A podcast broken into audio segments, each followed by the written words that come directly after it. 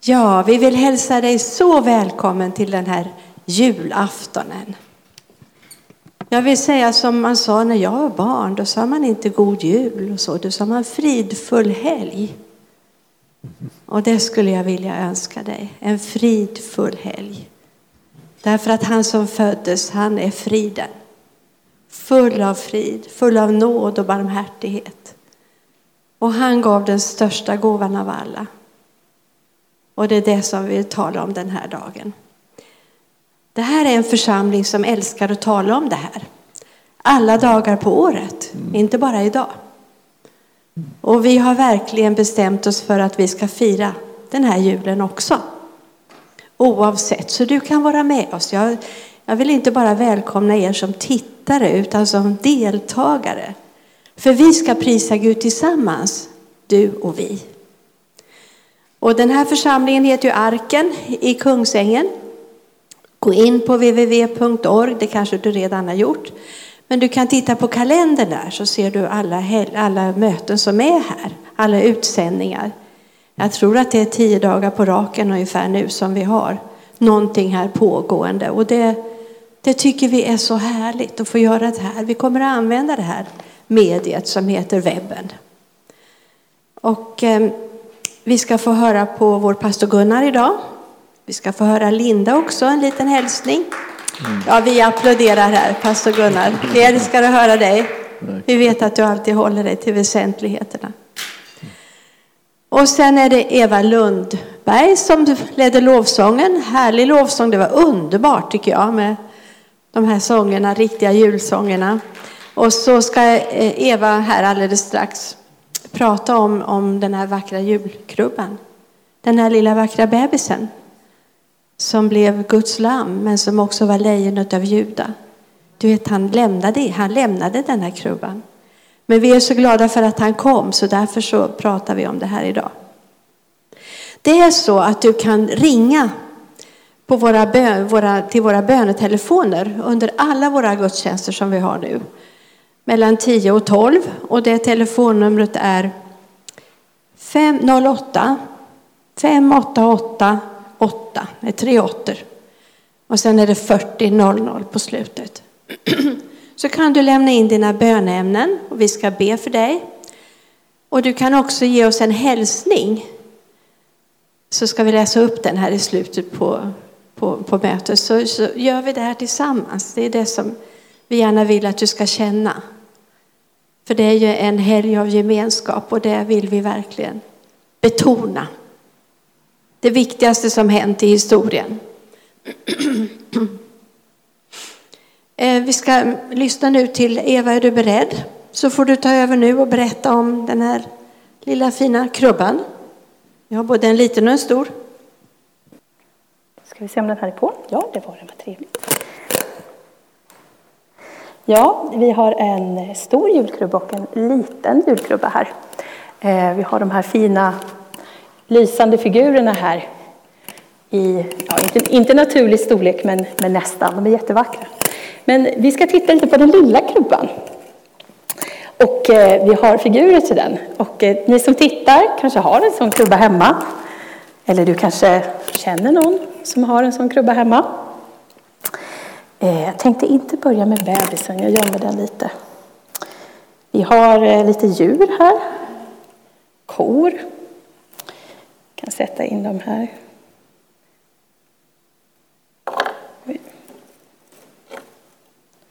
Den var lite trött, den kanske hade varit ute och betat länge. Och vi har lite får.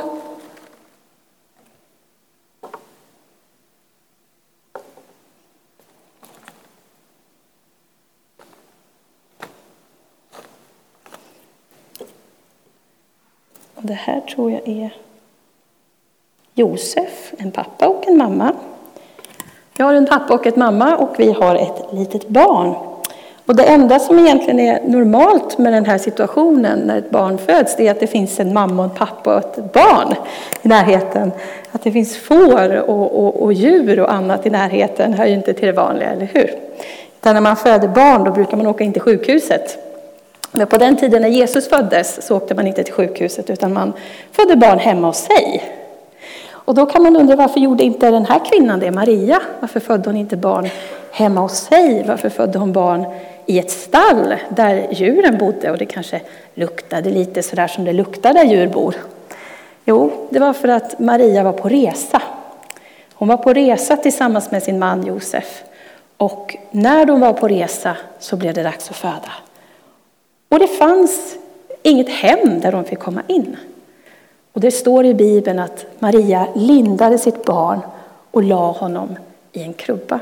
Jag har tittat efter i Bibeln och det står faktiskt inte ordagrant någonting om ett stall. Vad jag har hittat i alla fall. Får rätta mig pastor Gunnar om jag har fel. Men vad det står är att Maria tog sitt barn och la honom i en krubba. Och vi vet ju att en krubba är en matskål för, för djur.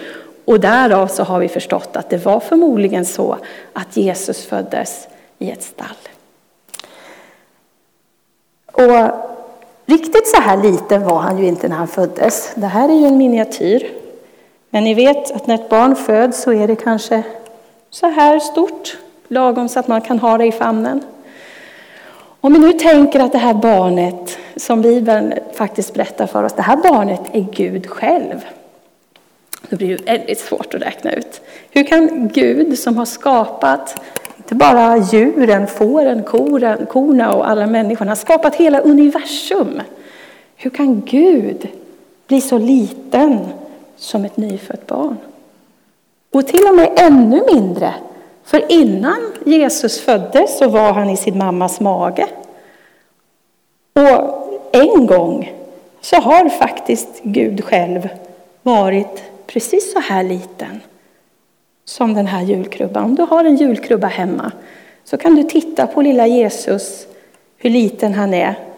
Och så kan du tänka att Gud själv har varit precis så liten och till och med ännu mindre när han låg i sin mammas mage. Och du har också varit så här liten. Och Det är också svårt att förstå, men ännu svårare att förstå att Gud har gjort sig så liten. Och du kanske undrar varför. För med människor är det ju så, och ofta bland barn, att man vill kanske visa sig stor. Man vill visa sig stark. Är man stor så vill man visa att man är stor. Varför vill Gud bli så, så liten? Och inte bara bli liten, utan han föddes också i sånt fattigt, på en sån fattig plats. Det fanns inte ens en riktig säng för honom. Utan han fick ligga i en krubba med, med halm och strå under sig. Varför skulle Gud vilja bli så liten? Men då ska du tänka på hur det är när en vuxen person vill prata med ett barn, ett litet barn. Om jag som vuxen ska prata med ett litet barn och jag står här uppe och tittar ner på barnet, då får barnet lyfta sin nacke så här och kanske känner att ja, jag ser inte riktigt den här stora vuxna personen som pratar med mig. Då brukar vuxna göra någonting speciellt. Alla vuxna gör det här ibland. Man går ner på huk, man går ner på knä kanske framför barnet. Om man vill prata speciellt med barn, då visa att jag är här, ja, jag vill tala med dig. Och man ser barnet i ögonen. Så gör vuxna när de ska tala med ett litet barn. Man sätter sig ner, man går ner på knä, man hukar sig, man gör sig liten för att visa för barnet, jag är här, jag ser dig och vi tittar barnet i ögonen och vi vet hur viktigt det är för ett barn att någon tittar barnet i ögonen och säger hej, du är viktig för mig. Och tänk då om en vuxen person behöver göra sig liten, om en människa behöver göra sig liten för att tala med ett barn. Hur mycket mer behöver Gud, som är så enormt stor, göra sig liten för att kunna se oss i ögonen och säga, jag älskar dig du människa. Det var precis det som Gud gjorde. Han gjorde sig så liten för att vi små människor skulle kunna se honom. Han gjorde sig till ett litet barn för att vi skulle kunna se honom in i ögonen. Wow! Men då kanske du tänker, aha, om nu det var Gud själv som föddes den där natten i Betlehem, vem skötte himlen då? Vem tog hand om hela universum då? Hade Gud tagit semester? hade han lämnat sin plats i himlen och övergett allting. Och änglarna fick sköta sig själva och hela skapelsen fick vara utan Gud ett tag, för nu skulle han vara en liten bebis och ligga där och skrika och gråta och inte ta hand om någonting alls. Var det så? Nej, det är så underbart och fantastiskt med Gud. På ett sätt som vi knappt kan förstå att Gud är tre men ändå en. Han är fader, han är son och han är heligande. Och därför så kan Gud vara närvarande i himlen som Fadern och samtidigt finnas på jorden som Jesus, Guds son. Och inte nog med det, han finns också närvarande här och nu som den helige Ande. Och Gud har lovat i sitt ord att om någon öppnar sitt hjärta och tar emot Jesus. Om man öppnar sitt hjärta och tar emot Jesus och säger jag tror på dig, att du är Gud själv som har fötts till jorden. Och du har levt här på jorden och du har dött för min skull på ett kors. Det ska vi berätta mer om när det blir påsk. Du har dött för min skull och jag tror på dig. Kom in i mitt hjärta. Då kommer den helige Ande och flyttar in i oss. Är inte det otroligt att Gud kan bo i oss också? Inte nog med att han kan göra sig liten och födas som en människa.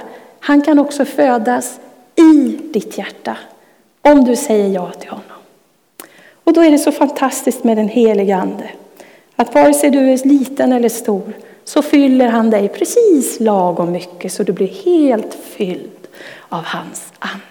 Precis som när du tar ett andetag och andas in vanlig luft så får du precis lagom mycket luft för att passa just dina lungor. Och så är det också med den helige Ande. Du är aldrig för liten för att ta emot den helige Ande. Du är aldrig för gammal för att ta emot den helige Ande.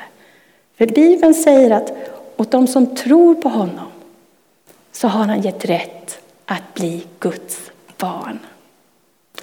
Och det är väl vad Jesus önskar sig mer än någonting annat i födelsedagspresent. För det är ju han som fyller år idag. Det är hans fest vi firar. Det finns ingenting som han längtar så mycket efter som att få ta emot fler barn in i sitt rike. Om du är gammal så kan du bli ett Guds barn. Om du är liten så kan du bli ett Guds barn. Och var inte rädd för att precis som Gud göra dig liten. Du behöver inte förstå allting. Var som Gud, gör dig liten och ta emot undret som han har gjort för dig. Gud välsigne dig. Om du aldrig har tagit emot Jesus som din frälsare så kan du be och göra det just nu. Det är väldigt enkelt. Du säger bara Tack Jesus för att du har fötts till världen. Tack för att du är Guds son. Tack för att du har dött för mina synders skull. Jag tar emot dig och jag vill bli ditt barn. Amen. Så enkelt kan du be en bön och bli ett Guds barn den här dagen. Och då blir julafton din födelsedag också. Din andliga födelsedag. För Bibeln säger att den som tar emot Jesus föds på nytt. Så om du tar emot Jesus idag, då får du fira födelsedag varje år sen tillsammans med Jesus den 24 december. Gud välsigne er.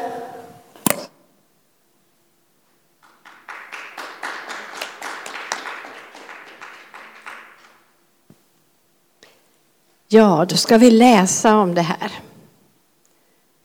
Du kanske inte har öppnat din bibel någon gång. Då kan du få göra det nu. Jag hittade i soptunnan hos grannen en sprillans ny bibel som aldrig hade varit öppnad. Och då, du kanske har en sån. Du behöver inte vara rädd för att öppna den. Och så kan du leta reda på ganska långt bak i bibeln här så står det om Jesus. Det finns fyra evangelier först och du kan väl börja med att läsa ett av dem från början till slut. Så får du lära känna Jesus på ett, på ett eh, djupare sätt och se vad han verkligen gjorde här på jorden. Det som vi brukar läsa på julen så här, det står i Lukas evangelium kapitel 2. Och många av oss, vi har väl lärt oss det här utan till tror jag, vi som har växt upp i kristna hem. Och det är härligt att kunna det utan till, men det är ännu bättre att öppna paketet och se vad det innehåller och se vad det betyder för mig. För det betyder jättemycket för dig och för mig. Den här stora förvandlingen som Eva pratade om också, vad som händer när vi tar emot honom. Nu läser vi från, från vers 1 till och med vers 20. Och det är det som kallas för julevangeliet. Evangelium betyder glatt budskap. Så det här är glatt, bara så du vet det. Och det hände vid den tiden att från kejsar Augustus utgick ett påbud att hela världen skulle skattskrivas. Detta var den första skattskrivningen och den hölls när Quirinius var landshövding över Syrien. Alla gav sig då iväg för att skattskriva sig, var och en till sin stad. Så for också Jesus från staden Nasaret i Galileen upp till Judeen, till Davids stad som heter Betlehem, eftersom han var av Davids hus och släkt. Han for dit för att skattskriva sig tillsammans med Maria, sin trolovande, trolovade som var havande. När de befann sig där var tiden inne när hon skulle föda. Hon födde sin förstfödde son och lindade honom och lade honom i en krubba eftersom det inte fanns plats i härberget. I samma trakt uppehöll sig några herdar som låg ute och vaktade sin jord om natten. Då stod en Herrens ängel framför dem och Herrens härlighet lyste omkring dem och de blev mycket förskräckta.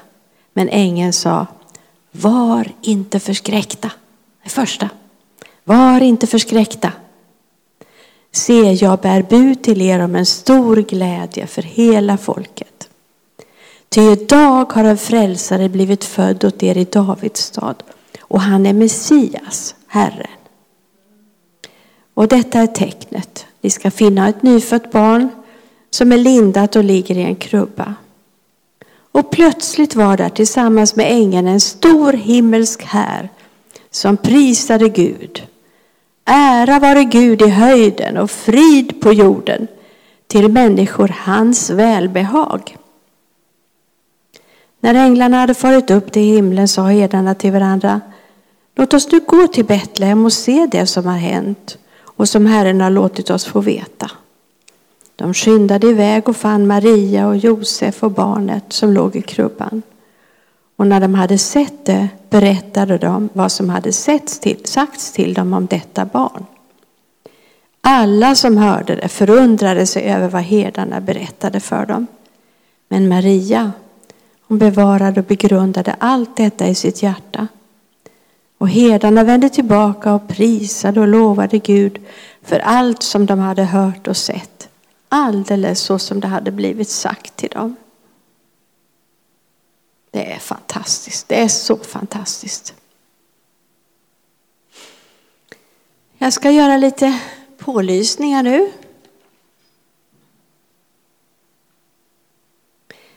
Eh, vi har ju de här, de här söndagarna, eller de här helgdagarna framför oss.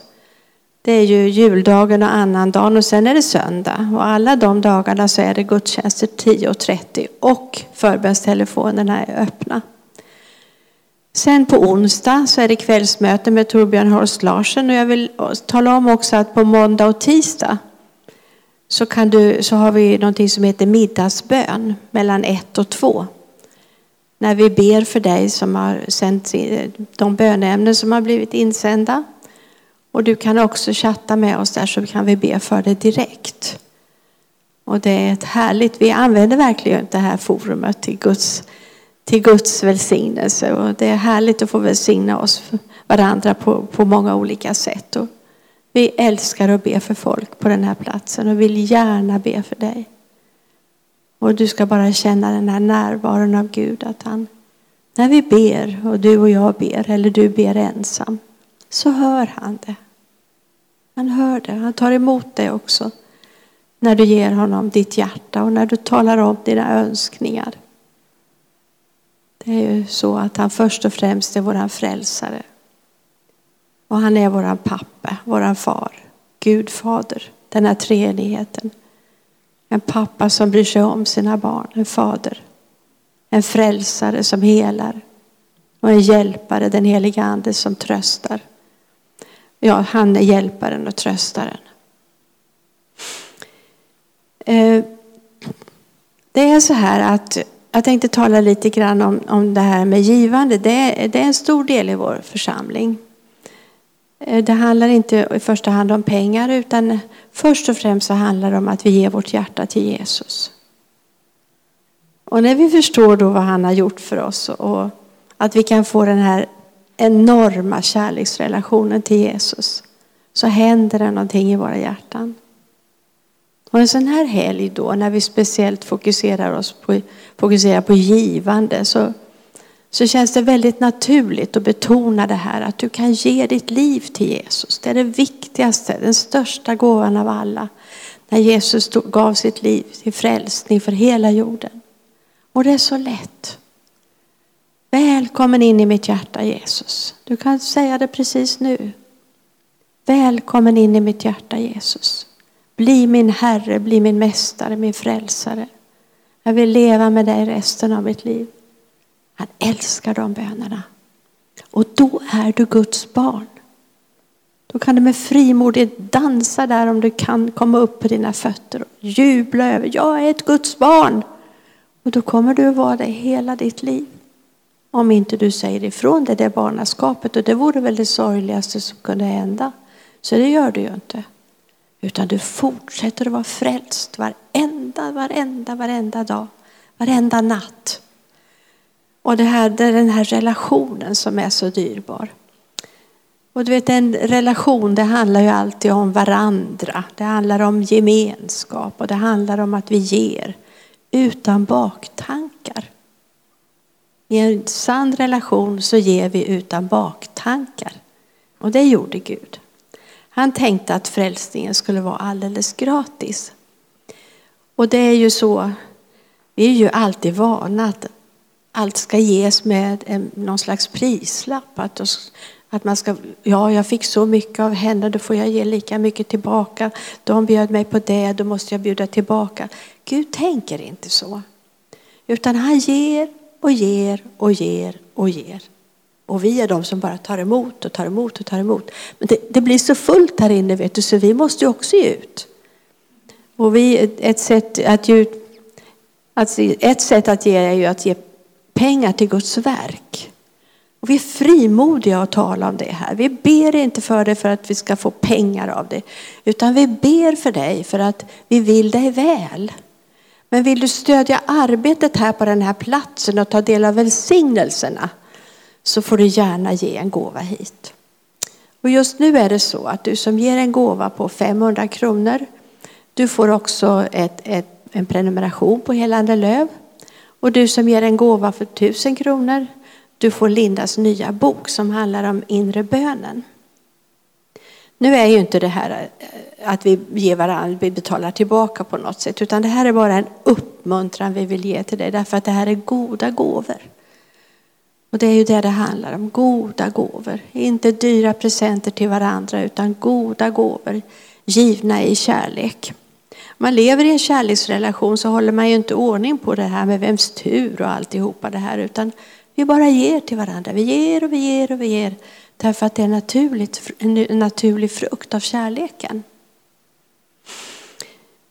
Vi, när våra barn var små så, så skulle vi, en god vän till oss som hette Tore fylla 70 år. Han var bonde, storbonde. Så då skulle det vara kalas, riktigt kalas. Så vi åkte dit en hel vecka.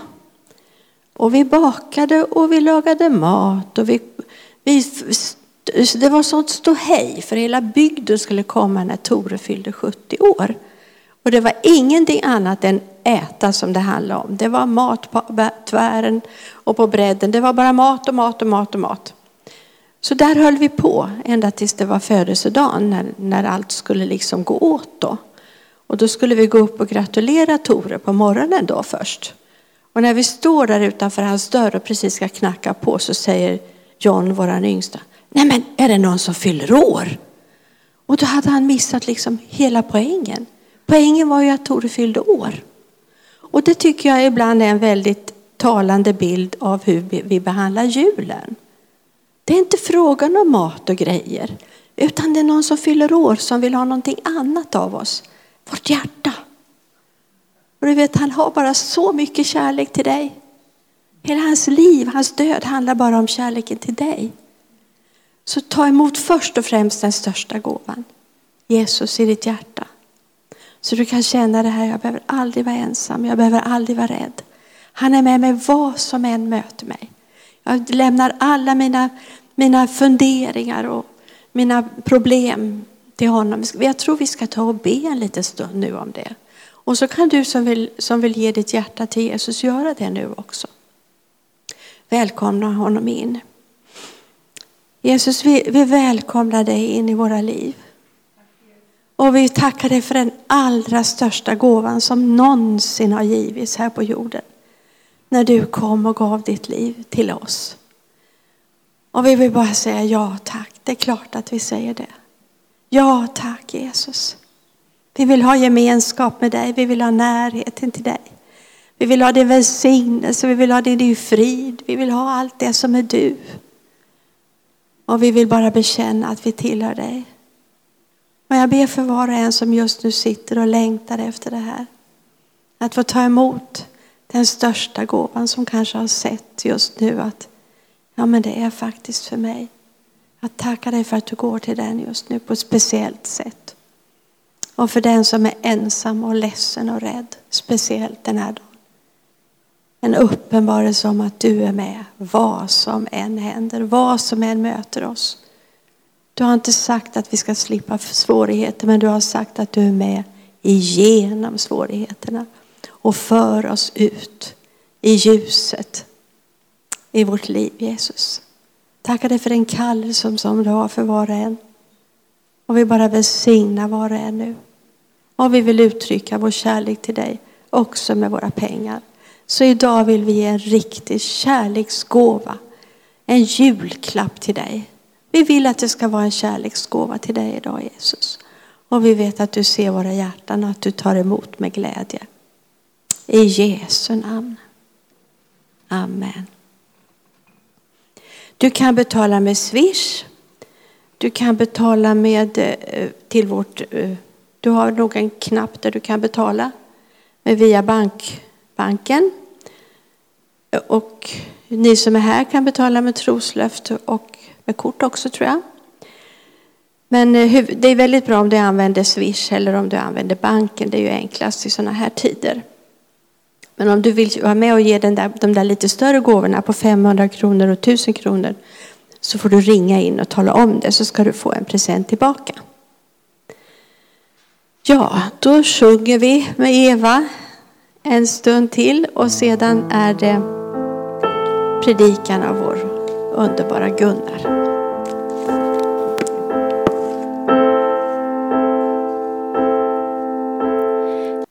Ja, jag hälsar er välkomna hit och jag känner, god morgon. Ni är alla Herrens älskade, var ni än befinner er. Jag ser att det finns några som befinner sig här liksom i, köttet, eller i, i, alla fall närvarande så de är synliga. Men jag eh, ser ju också att det finns många av er som sitter och ser på nätet och följer där. Och vi är så glada för det. Vi ska ehm, eh, strax gå in i Guds ordet och vi, vi tänker att eh, fira jul handlar ju verkligen om att eh, kontakta Gud och få veta vad han har gjort och vad han har sagt så att vi kan reagera på rätt sätt på, eh, på, på det som han har åstadkommit. Och det är inte så, alltid så lätt att göra det därför att man, man tycker att man, man, det här ska man förstå på något sätt annars så vill man inte ta några steg. Men det, nu handlar det om Gud och inte om, om människor och i det naturliga. Och därför så ska vi be att Herren hjälper oss att kunna möta honom med tro eh, och inte bara med förståndet. Så himmelske Fader, nu ber vi till dig att du ska komma med din heliga Ande och din kraft. Vi är så beroende av att få eh, hjälp att se vidare på ett annat sätt än det som bara är det naturliga. Du har gett oss alla möjligheterna i det naturliga, men du har också gett oss möjligheter att kunna se saker och ting i det övernaturliga i den världen där du är verksam och där, du, där man kan se dina gärningar.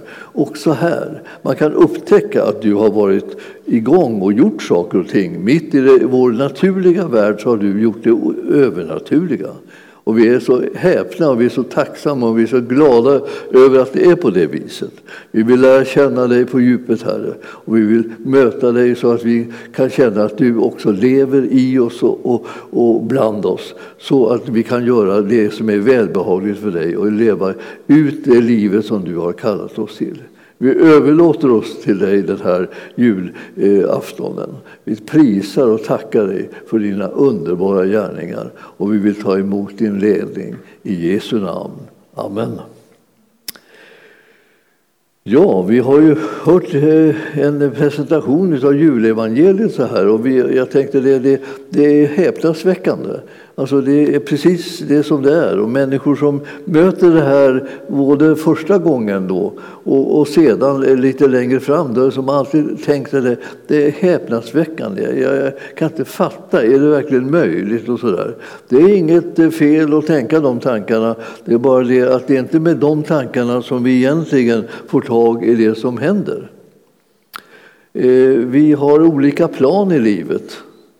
Det har du säkert märkt. Det finns ju saker och ting som rör sig på ett plan eh, där du funderar ut saker och ting, du fattar saker, du har lärt dig ting och du kan orientera dig i tillvaron. Det så, så är det ju. Så finns det ju andra plan där liksom du börjar upptäcka att det finns någonting djupare.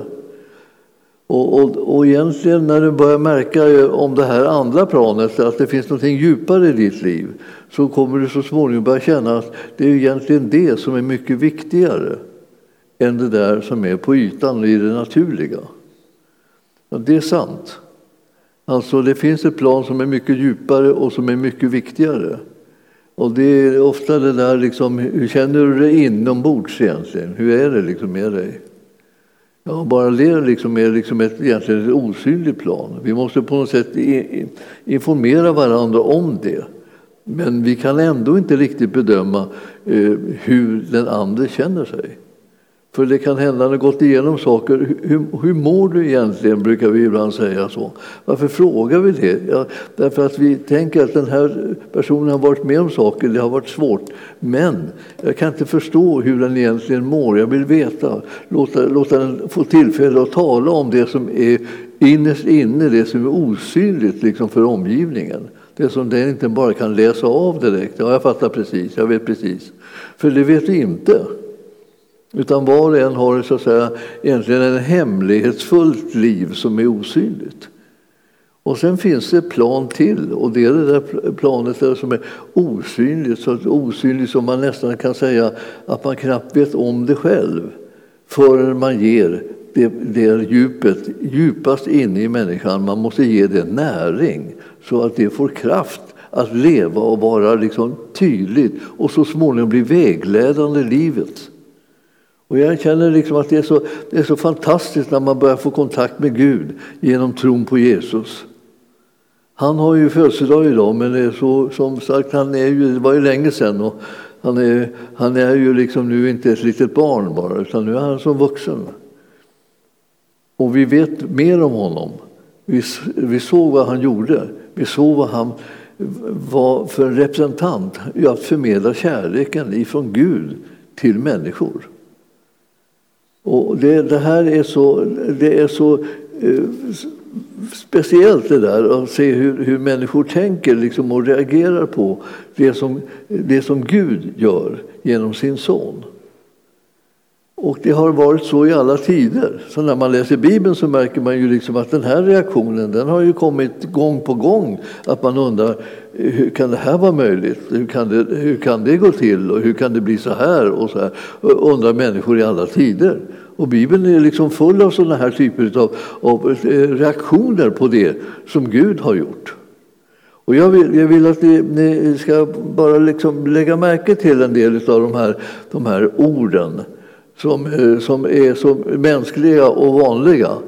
Samtidigt som, så, fastän de är liksom en slags frågor eh, och kanske rent av ifrågasättande om det kan förhålla sig så här så är det inte fel att eh, uttrycka det på det viset.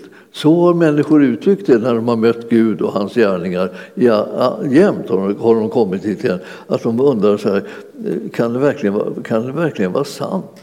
Kan det ha hänt på det här sättet?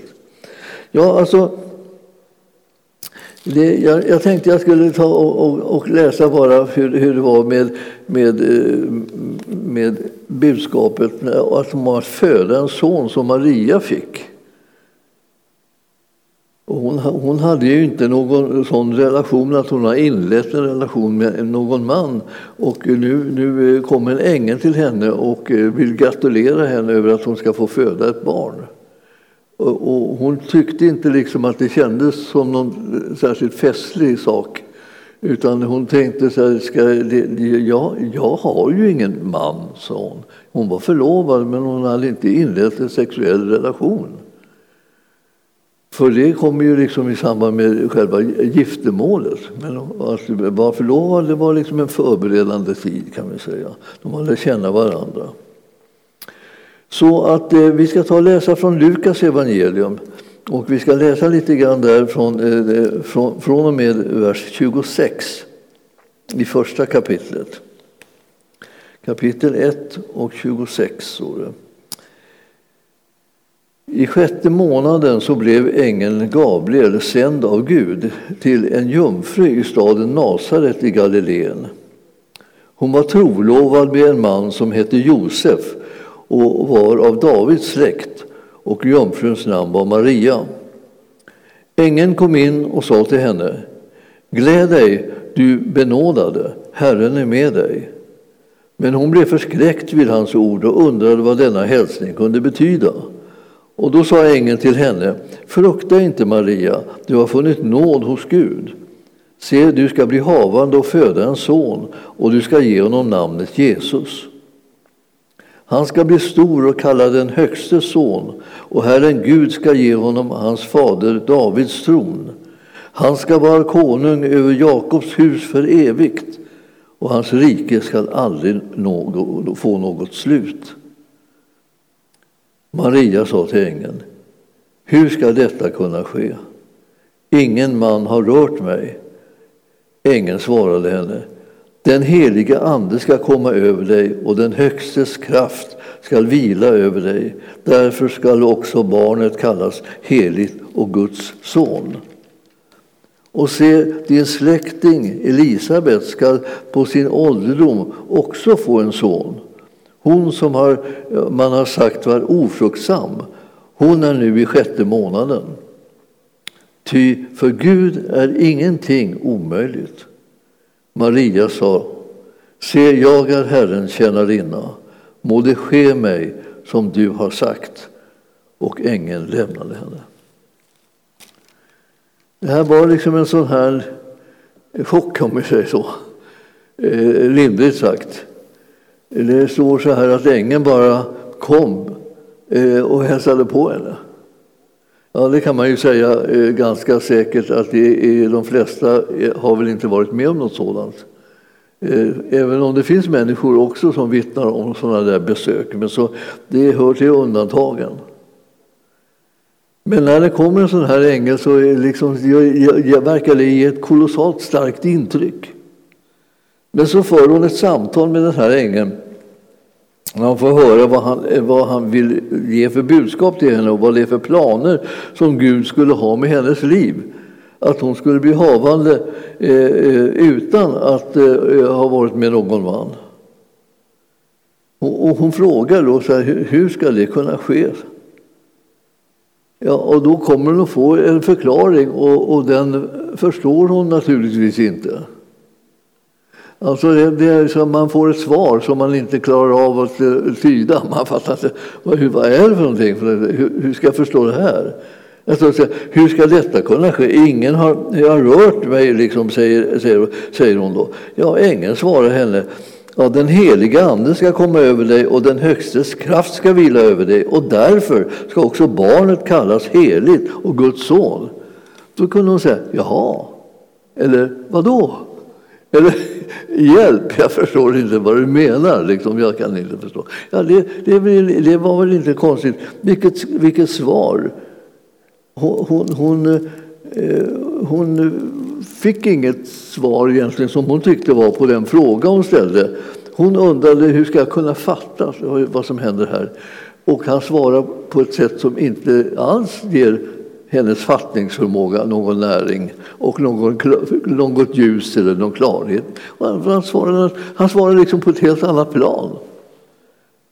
Och jag tror att det här är liksom ganska viktigt för oss att förstå att vi talar, vi talar ibland med Gud och, och vi talar om Gud.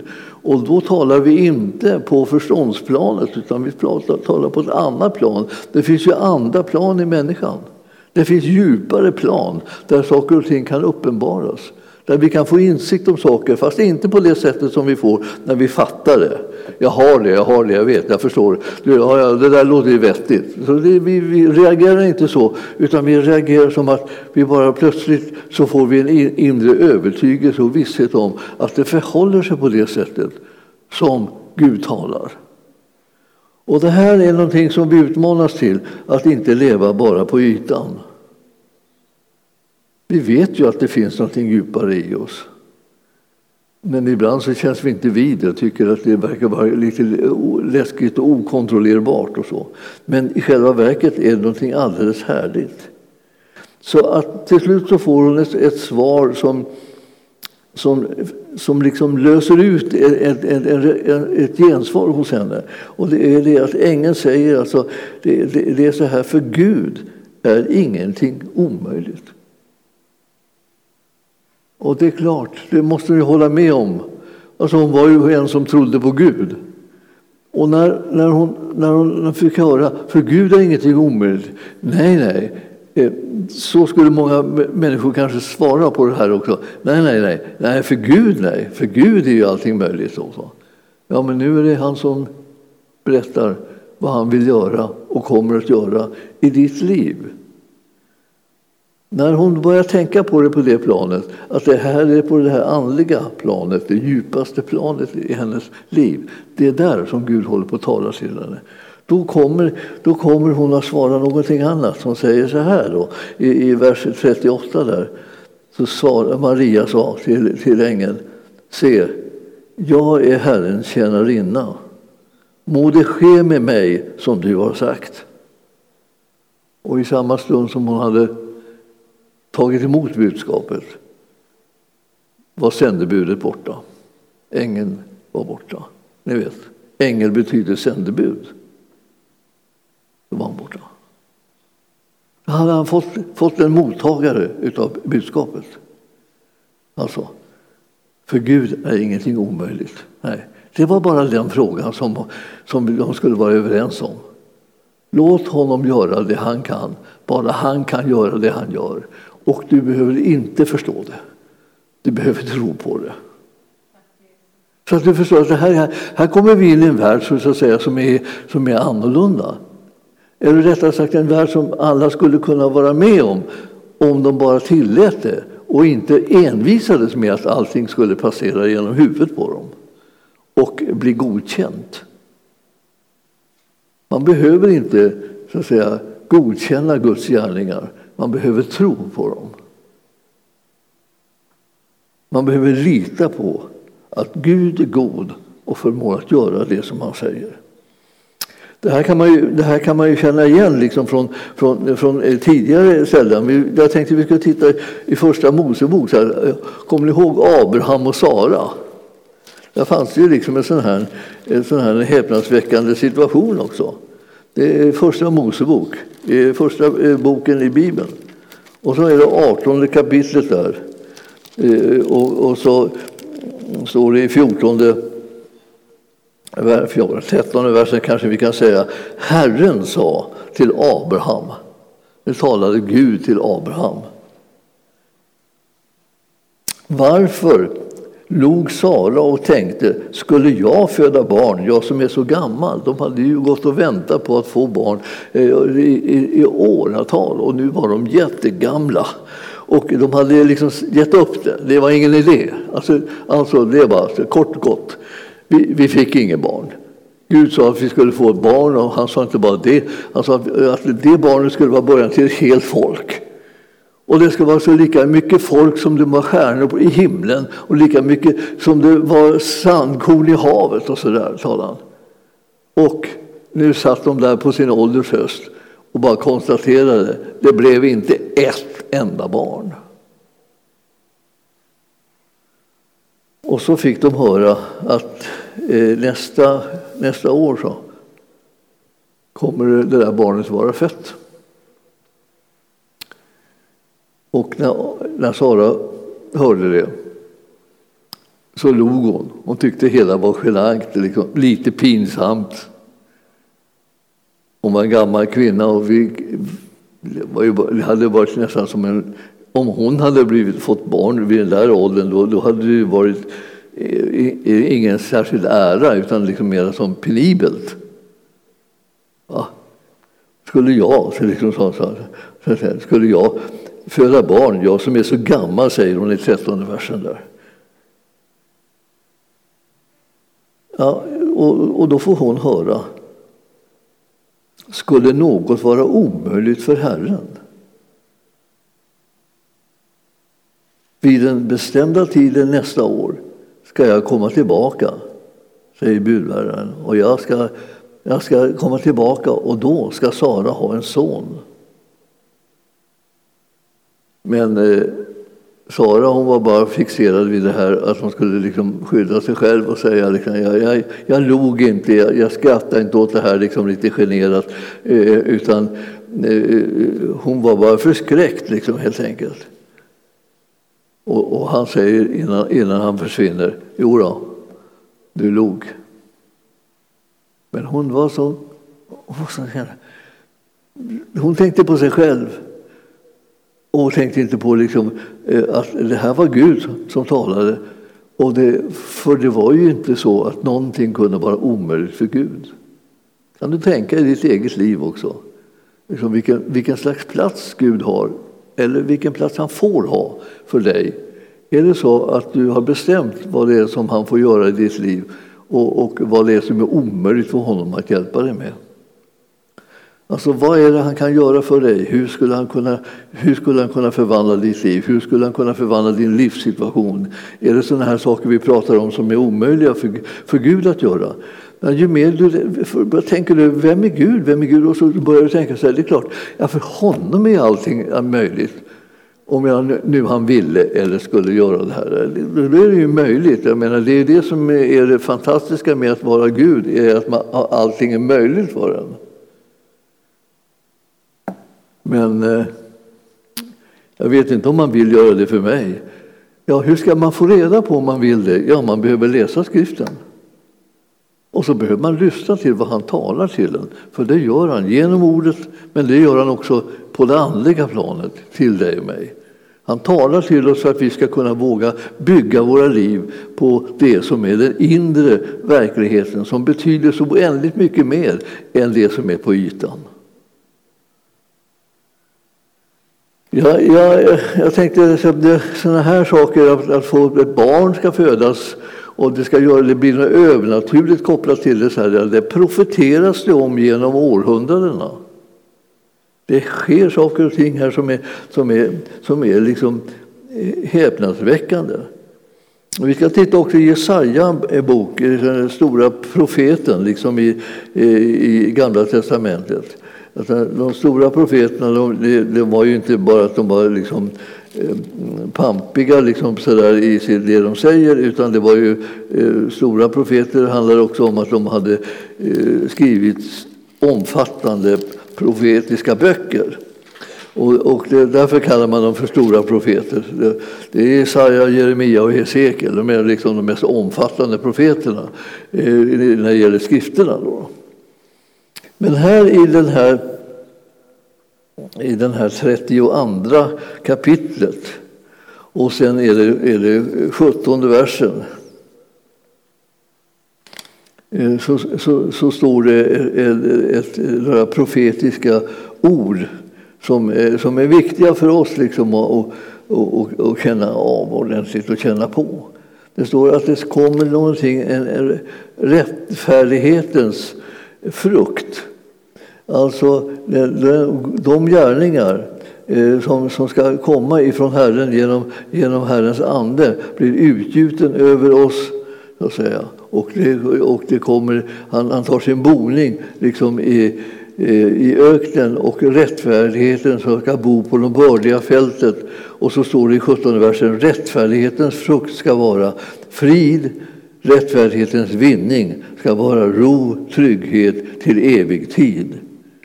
Mitt folk ska bo i fridfulla hem, i trygga boningar och på säkra viloställen. Det här, det här är liksom ett uttalande om liksom vad Herrens närvaro ska, hur den, hur den ska upplevas.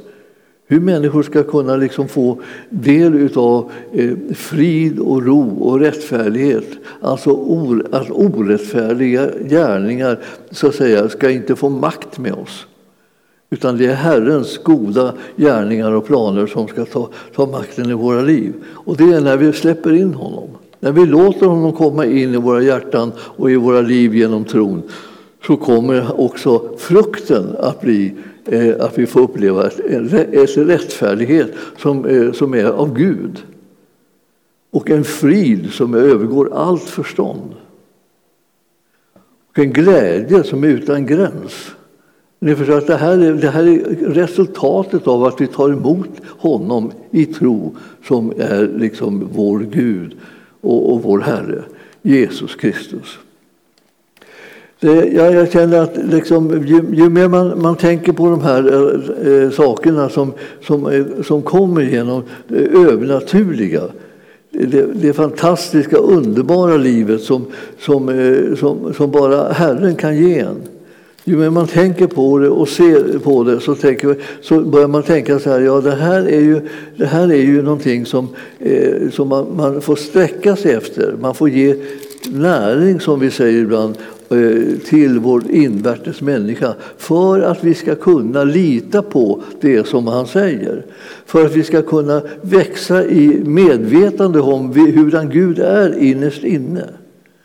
Jag, jag eh, eh, vill säga till dig att det, det, det här med hur kan Gud göra det som är övernaturligt? Hur kan Gud göra det som spränger alla gränser? Hur ska vi kunna eh, förstå att det ska eh, kunna ske på det sättet? Ja, människor har alltid funderat över det.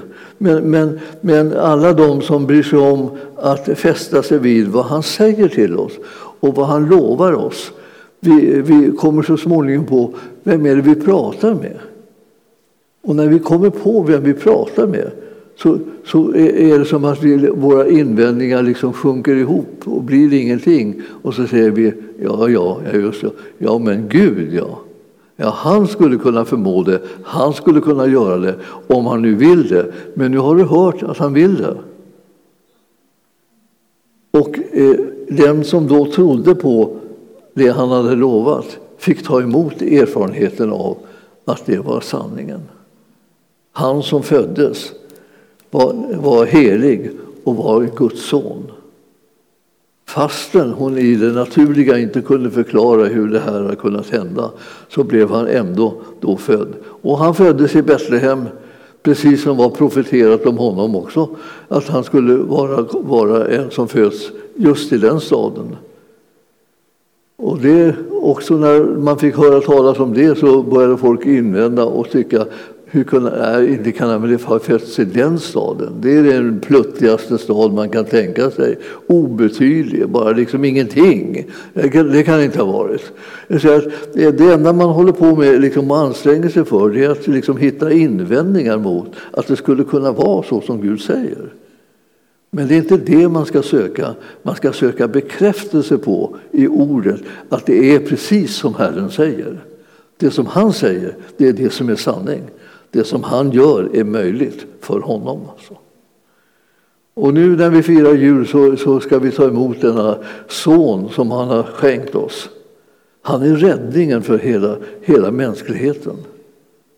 Han är den som är den stora kärleksförklaringen från Gud till människan. Han vill säga till människan, jag älskar er. Jag vill göra allt för att rädda er. Därför sänder jag min son till er. Och han ska födas och han ska inte skrämma någon, kan vi säga. Och det, det, han skrämde inte någon. Så när han föddes så var han så eh, obetydlig så. Så det var bara liksom de som var nästan galna, som, som Herodes, som fick för sig att, att han måste frukta det här barnet. Därför han tänkte att han skulle förlora makten på något vis. Och, och, därför så gav han sig på liksom alla barn i, i en viss ålder, bara för, för säkerhets skull. Liksom, så, så, så, att, eh, för att eh, om möjligt då, träffa rätt, så att han fick tag i den som skulle vara en konung. Men han förstod inte det andliga, Herodes, utan han låg bara liksom på sin naturliga plan. Men den som föddes i Betlehem, han var Guds son. Han var helig. Han var, han, hans liv så att säga, var ett liv som var på det, på det andliga planet. Och när man såg på honom så var det inte det som man tyckte att han var liksom otroligt mäktig. Men när man mötte honom så att säga i det inre, människa och, och deras Gud mötte varandra, så blev det liksom en, satte det en prägel på den människan och skakade om hennes liv så att hon blev förvandlad. Och så är det än idag, att när vi möter Jesus, den uppståndne, genom att vi tar emot honom i tro, så förvandlas vårt liv. Först lite grann kanske, eller vi skakas väldigt och vi kanske blir liksom rädda. Vad är det här? Kan det här få stämma? Så här? Men så, så småningom, när vi liksom ger det näringen, när vi lär känna honom i skriften och genom det förkunnade ordet så börjar vi kunna ta emot honom mer och mer. Och vi kommer att lära känna honom som är mycket verkligare än det som vi bara ser med ögonen eller känner eller, eller kan tänka. Allt kommer att visa sig förmår den som tror. Och du kommer att komma in i en krets av, av människor som har, har, fått en uppenbarelse om den, den osynliga världen, men tror på den och därmed kan den också vara med och förvandla omständigheter. Precis det som behövs nu för tiden när vi håller på och ber för att människor som eh, eh, attackeras av sjukdom ska kunna bli friska. Att de ska bli, kunna bli hjälpta, att de ska kunna hitta utvägar och lösningar. Att de inte ska bli uppgivna eller skrämda. För Gud är större. Gud är mäktigare än alla sådana här omständigheter. Jag vill bara ge dig liksom en, en påminnelse om att du ska vara vid gott mod. Nu firar vi jul. Frälsaren har kommit till världen och han är fortfarande kvar genom sin ande och sitt ord. Och han fortsätter att göra gärningar som är av precis samma slag. Han gör under för människor, han räddar dem, han befriar dem, han upprättar dem, han botar dem. Han har ingen gräns för sin kärlek till människorna och du ska känna, räkna dig bland dem som vill ta emot honom och bli välsignade av hans underbara gärningar. Vi sätter tro till Jesus, för det är han som är den enda som kan rädda oss. Det finns ingen annan. Men vi, honom har vi ju. Han är ju närmare än liksom vi bara eh, än att sträcka ut handen. Han är ju liksom så nära så han är så att säga, i, i vårt, vårt hjärta och knackar på. Släpp in mig, släpp in mig, släpp in mig. Liksom. Och, det, och, och, du kanske kan tänka så här, ja, tänk om jag skulle göra det. Ja, absolut ska du göra det. Det här är det, är det som är livet och det är det som är livets mening och det är det som gör att evigheten också blir din arvedel. Himmelske Fader, vi tackar dig för att du har sänt din son Jesus till den här världen. Tack att vi får lära känna honom, tack att vi får höra mer om honom och växa i tro så vi kan ha glädje och trygghet i vårt innersta. Vi överlåter oss till dig, Herre, och vi proklamerar ditt herravälde och din makt över våra liv. Tack, Herre, för att du är vår och att vi är, vi är dina. Vi vill följa dig och ära dig med våra liv. I Jesu namn. Amen. Mm. Tack pastor Gunnar. Tack Ann-Marie, tack alla ni som har varit med i lovsången. Och jag skulle vilja bjuda upp er igen, att vi får avsluta med en, en julsång och tacka Herren. Jag skulle också önska att du, någon av er skulle tända det lilla ljuset här. Det lilla ljuset bredvid krubban. Vi har tändstickorna där framför det ljuset. Så ska vi tända det ljuset också som en påminnelse om att du inte är ensam. Var än du är nu, och det är ju en lite märklig jul för många som får fira jul ensam, kanske inte med sina barn och barnbarn och vänner som tidigare. Men då behöver du veta någonting och vi har ju hört pastor Gunnar inspirera oss just kring detta tema, att du är inte ensam. Han är det levande ljuset och han kommer alltid att vara nära dig. Och det fantastiska är ju att vi kan bjuda in det här ljuset i våra hjärtan. Och jag ska läsa för dig från Johannes evangelium kapitel 14. Och jag ska önska, läs också det här kapitlet som handlar om den här andliga kärleksrelationen. Jesus säger så här i versen 15.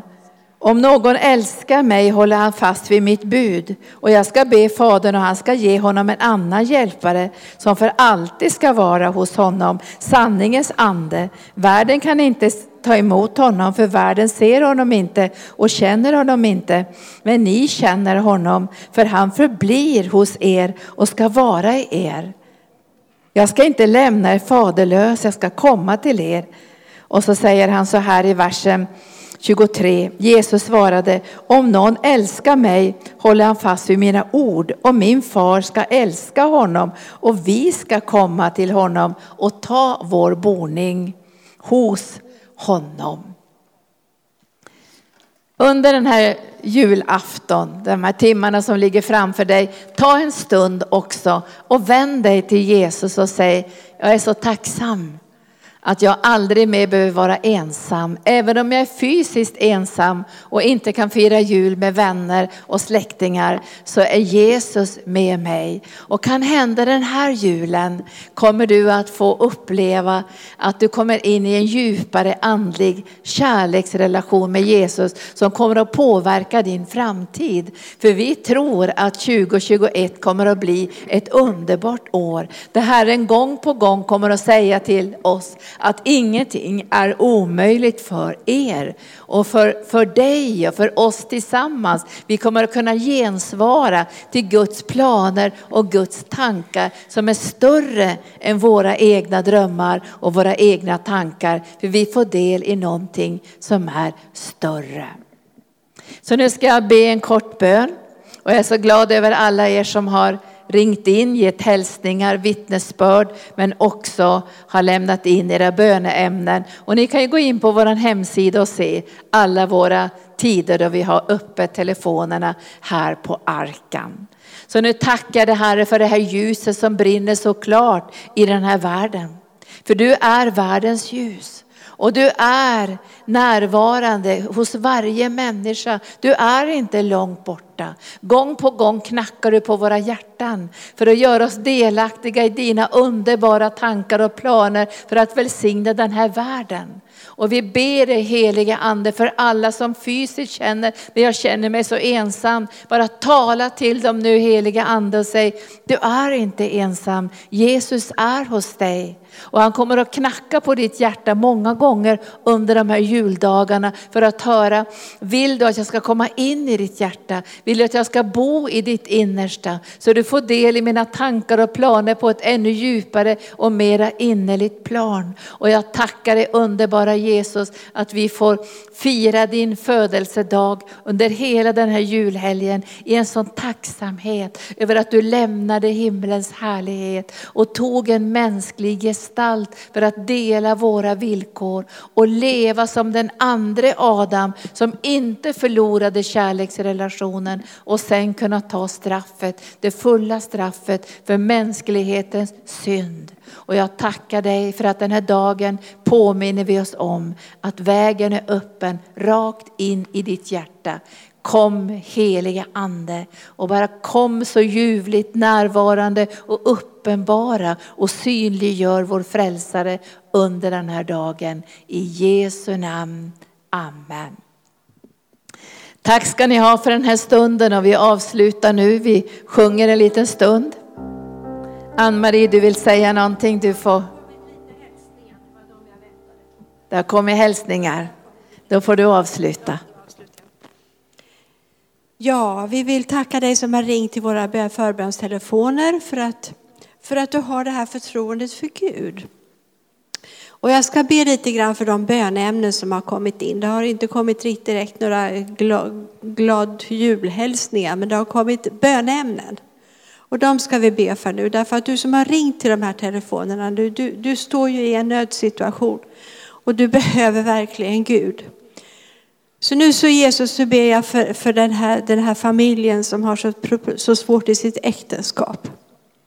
Och jag ber för alla de som går igenom de här, de här svåra relationerna som inte håller i sådana här tider. Jag tackar dig för att du är den som förenar. Jag tackar dig för att om vi vänder oss till dig och du bara får fylla oss med kärlek och frid så blir vi lättare att leva med. Och jag ber, jag ber att den som, som verkligen upplever den här jättestora krisen ska vända sig till dig och du ska mätta dem. Mätta dem mitt i öknen och ge styrka till deras kroppar och själar och relationer. Först och främst med dig men också med varandra. Och så vill jag också be för alla de som har ringt in och känner en sån ensamhet. Och jag tackar dig för att det är sant när vi säger att vi inte är ensamma när vi har dig. Jag tackar dig för denna fantastiska sanning och jag tackar dig för att det ska gå upp för var och en som känner sig ensam att din närvaro kan vara så konkret, så fantastisk, så den fyller alla våra behov. Jag tackar dig att du vill fylla våra hjärtan. Fylla oss med glädje och gemenskap så att vi förstår att vi aldrig någonsin är ensamma. Du har sagt det så många gånger i ditt ord att du är med oss alla dagar och det tackar vi dig för. Jag vill också be för den som är rädd för sjukdomar. Den som upplever den här dödsfruktan. Och jag bryter den här fruktan. Det har du sagt att vi får göra. Därför att du har tagit fruktan. Jag tackar dig för att du har lovat att vi ska få leva våra, våra dagar. Och vi vill vara försiktiga och vi vill alltihopa det här. Men vi vill först och främst lita på att du håller oss friska. Att du bevarar oss så att vi får fullgöra vårt lopp. Och jag ber för, för, också för det här fruktan för sjukdom som kanske är värre än själva sjukdomen. Att, att du bara lyfter av den här fruktan. Att du fyller oss med din frid för alla saker som vi kan oroa oss för. Vi vill inte oroa oss för vi vet att vi har dig på vår sida. Och det räcker. Tack att du är det idag. I Jesu namn. Amen. Amen.